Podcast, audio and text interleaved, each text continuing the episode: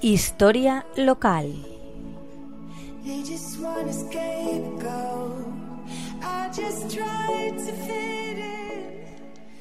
Buenas tardes, amigos de la Tegua Radio. Hoy vamos a recordar a uno de los mayores representantes del estilo modernista y un genio de la arquitectura.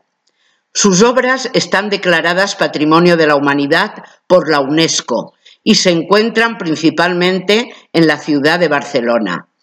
Se trata de Antonio Gaudí, que murió un 10 de junio de 1926 atropellado por un tranvía de camino a la Sagrada Familia en Barcelona. El movimiento modernista surge a finales del siglo XIX y atraviesa toda Europa. De hecho, recibe diferentes nombres. Art en Francia, Bélgica, Hispanoamérica, Liberty o Floreal en Italia, Jugendstil en Alemania y países nórdicos y modernismo en España. Como casi siempre que se origina una corriente nueva, el modernismo nace con la intención de crear un arte nuevo, libre y moderno, suponiendo una ruptura, ruptura con todo lo anterior. Hijo de caldereros, el pequeño Antoni tuvo una infancia marcada por una delicada salud que le obligó a pasar largas temporadas de reposo en el más de la calderera de la casa familiar. Durante estas temporadas de descanso, a Gaudí le gustaba contemplar la naturaleza, a la que consideraba su gran maestra y transmisora de conocimientos. Para combatir el reumatismo, Gaudí se hizo vegetariano y un ferviente seguidor de las teorías higienistas del médico y sacerdote alemán Sebastián Kneipp.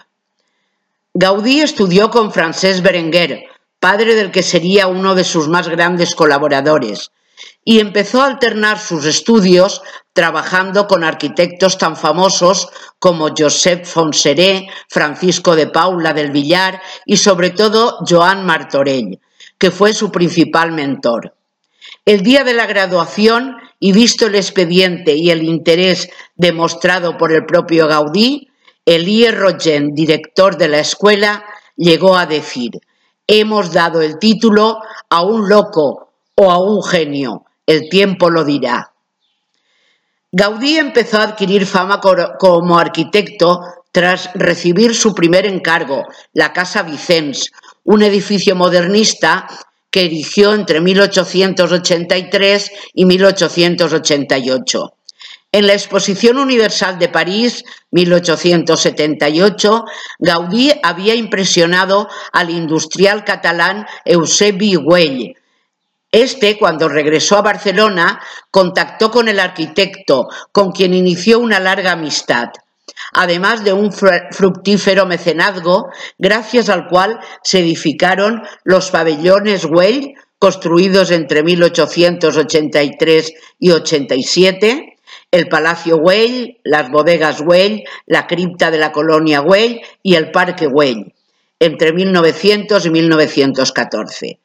La amistad entre Eusebi y Güell relacionó a Gaudí con el marqués de Comillas, para el que construyó la Villa El Capricho en la población cántabra de Comillas. Su legado comprende monumentos emblemáticos en muchos lugares, sobre todo en Barcelona, como la Pedrera, la Casa Batlló o la Sagrada Familia, a la que dedicó los últimos años de su vida, y uno de los edificios más visitados del mundo. Pues hasta la semana que viene, amigos y amigas, un saludo muy cordial.